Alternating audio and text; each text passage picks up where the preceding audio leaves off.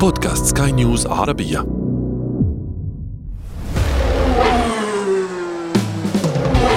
محركات برعاية موتو برو.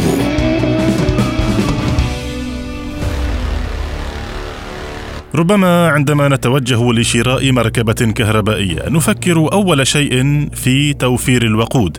ربما سندفع الفرق في سعر المركبة أصلا لكن بغض النظر عن ذلك الكثير أصلا يتخوفون من موضوع الصيانة في المركبات الكهربائية، لذلك اليوم سوف نتحدث عن ما تحتاجه المركبة الكهربائية من صيانة. بعد استهلاك طويل لعدة سنوات بأن البطارية تخرب لأنه نوعا ما ممكن يكون سعرها مرتفع مقارنة بأي قطعة ثانية بالسيارة. لازم الواحد يروح يشيك على البطارية خصوصا مع كثرة الشحن والاستخدام البطاريات أو خلايا البطاريات ممكن تقل كفاءتها. محركات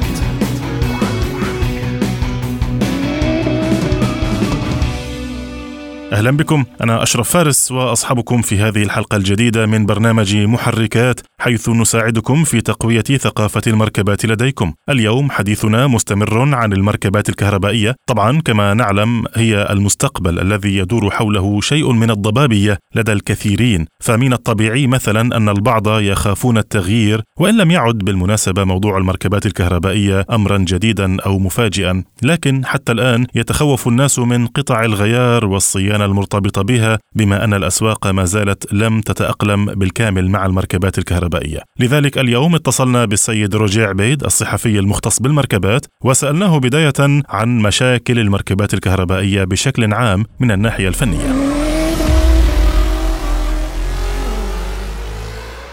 المركبات الكهربائية أو السيارات الكهربائية هي سيارات. صحيح مع اختلاف المكون الأساسي فيها واللي هو المحرك استخدام البطاريات والمحركات الكهربائية بدل من محرك الاحتراق الداخلي.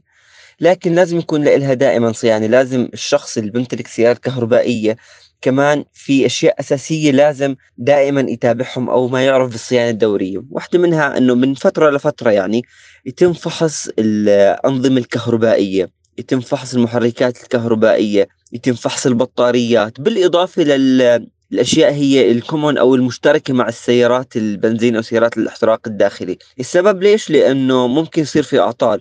ممكن يصير في عطل بنظام المكابح البريكات وممكن يصير في عطل بنظام البطاريات أو المحركات. فلذلك حتى لو كانت كهربائية السيارة السيارة أكيد بدها صيانة وعناية. في مركبات الاحتراق الداخلي يعني البنزين والديزل التي نعرفها جيدا هذه المركبات تحتاج إلى الزيوت والفلاتر والفرامل وما إلى ذلك من قطع استهلاكية عند الصيانة الدورية.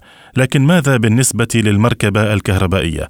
ماذا تحتاج من صيانة دورية؟ بالنسبة لموضوع الصيانة الدورية كثير أنا مرات بقابل أشخاص بيحكوا لي بأنه لا ما في داعي نعملها صيانة ما هي كهرباء. صحيح 100% أنا أتفق معاكم أنه هي سيارة كهربائية لكن البريكات بدهم صيانة البريكات الأمامية الخلفية ال drumات تبعون البريكات ال discات كل نظام البريكات زي أي سيارة أخرى. حتى فيها زيوت رح تحكي لي كيف؟ زيت ال brake فلازم كل فترة لفترة الواحد يشيك هل هو ناقص هل في عندنا مشكلة معينة. طبعا أكيد الشغلات ال... يعني الأقل أهمية نحكي مثلا المياه الموجودة للمساحات كل هاي التفاصيل. لكن صيانة دورية إشي مختلف عن سيارات البنزين أو الإحتراق الداخلي واللي هو ممكن البطاريات. هلأ السيارات الكهربائية لهم عمر افتراضي للمحرك الكهربائي والبطاريات بعضها 8 سنين بعضها 10 سنين ممكن مثلا 15 سنة أو حتى أقل من 8 سنين.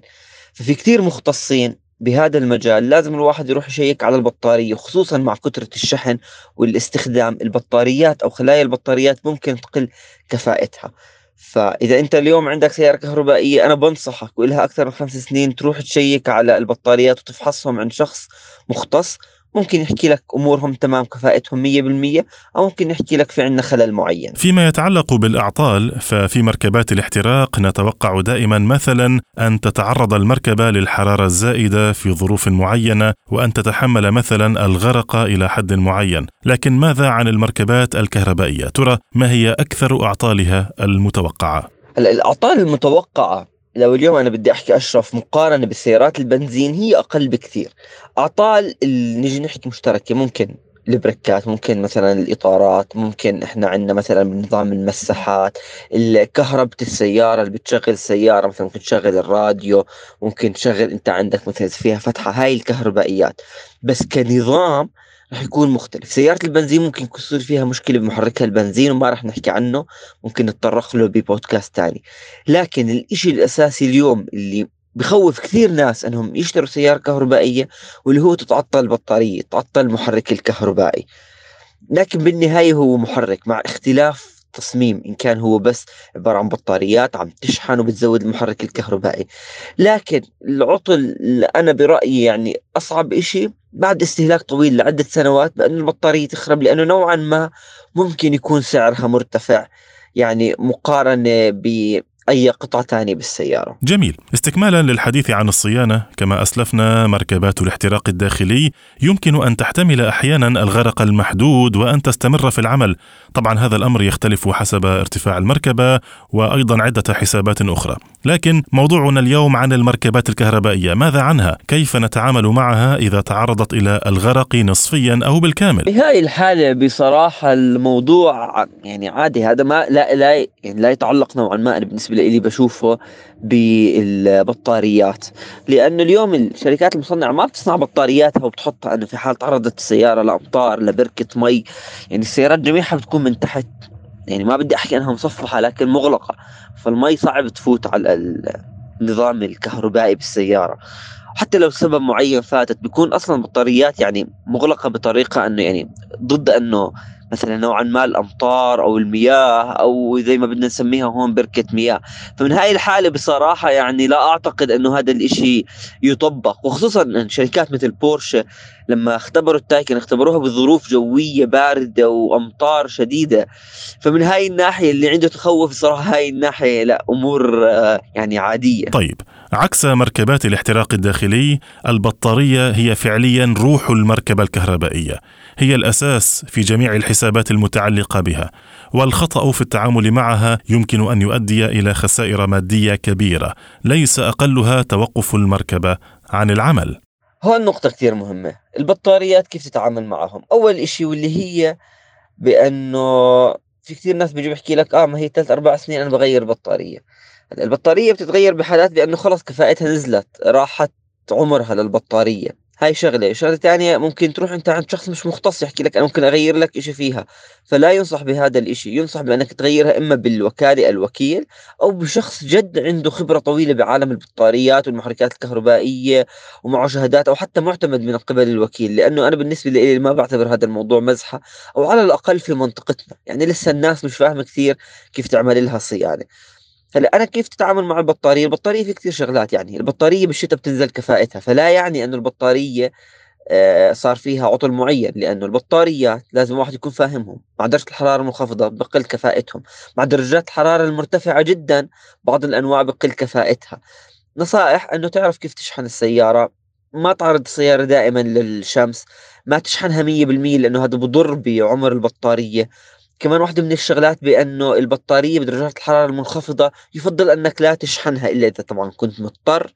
يفضل تشحن السيارة بكراج مغلق عشان تكون درجة حرارة الجو نوعا ما مقبولة. بما أن ملف البطاريات فتحناه وفتحناه لابد أن أحدكم سمع أن هناك فارقا بين استخدام الشاحن العام الذي يوضع في الأماكن العامة وبين شاحن البيت. البعض لا ينصحون بشاحن الطريق العام. ترى لماذا؟ هلا في كثير أنواع من الشواحن. دائما بنسمع الاي سي الدي سي أو الشاحن العادي شاحن البيت الشاحن السريع.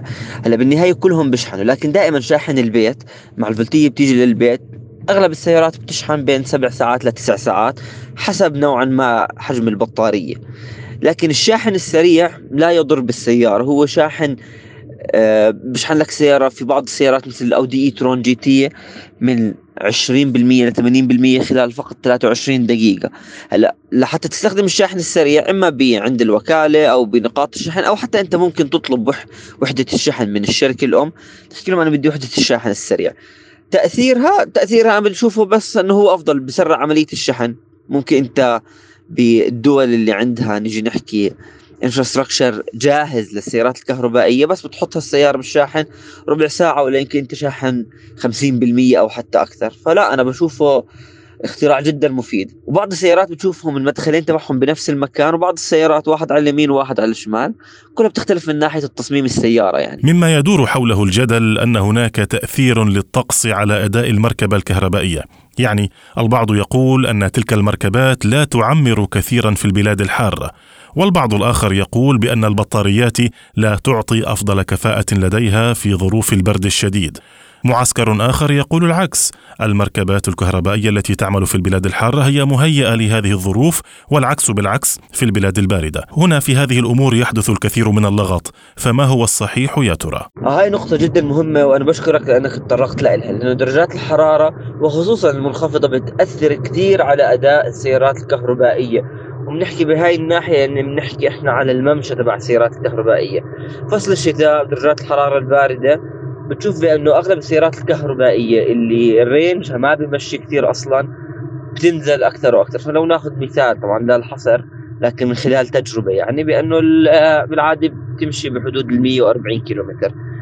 مع تجربة لعده من الأصدقاء بفصل الشتاء طبعا درجات حرارة منخفضة جدا يعني الجو بارد كانت تنزل تنزل بحدود ال 20 و 30 كيلو. حتى بعض السيارات الأخرى. هلا ليش هذا مش عيب بالسيارة أو بالنوع البطاريات؟ لا لأنه معروف بأنه كل ما تنزل درجة الحرارة المنخفضة يعني اليوم البطارية نفسها بدها تبذل جهد أكثر لحتى توصل ما يسمى بالاوبتيمال تمبرتشر أو درجة الحرارة المثالية لحتى تشتغل بكفاءة عالية. ونفس الشيء مرات مع درجات الحرارة المرتفعة بيأثر كثير على أداء هاي البطارية. فعشان هيك إذا اليوم واحد سيارته كهرباء ما يرتبك إنه إذا مشتريها جديد وأول شتوة درجة حرارة واطية جدا بأنه نزل ال range تبعها. هذا وضع طبيعي يعني هذا بعالم البطاريات هيك. لكن بعض الشركات الأخرى لازم نحكي عنهم مثلا بورش أودي جربوا سياراتهم على درجات حرارة منخفضة جدا ومرتفعة جدا وبعضها جربوهم مثل التايكن بمنطقة الخليج العربي. كفاءة البطارية ظلت زي ما هي.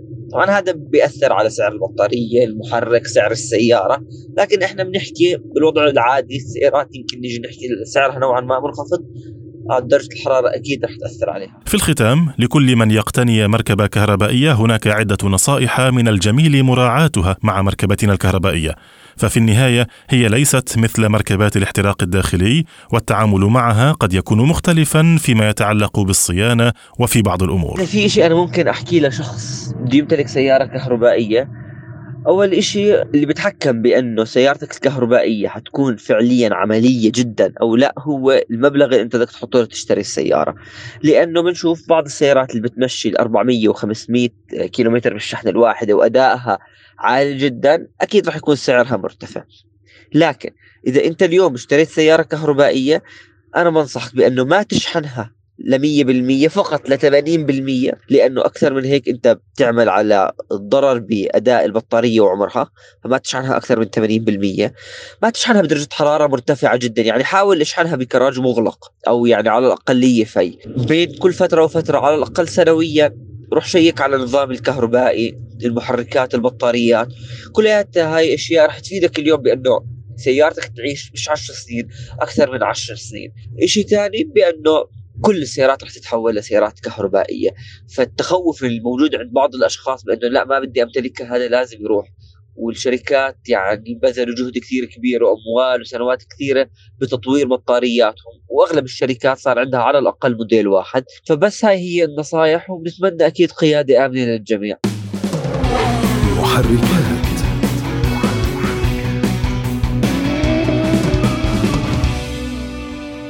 إلى هنا وصلنا إلى ختام هذه الحلقة مستمعينا الكرام.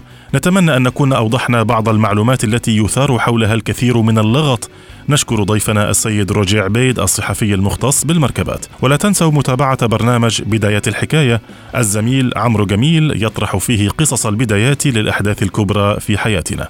أما في هذه الحلقة مستمعينا فقد صحبتكم فيها إعدادا وتقديما محدثكم أنا أشرف فارس. في الإخراج الفني كان معي آدي طبيب. نلقاكم في حلقة أخرى من برنامج محركات حيث نسعى دائما لتقوية ثقافة المركبات لديكم. في أمان الله. محركات. برعاية موتو برو.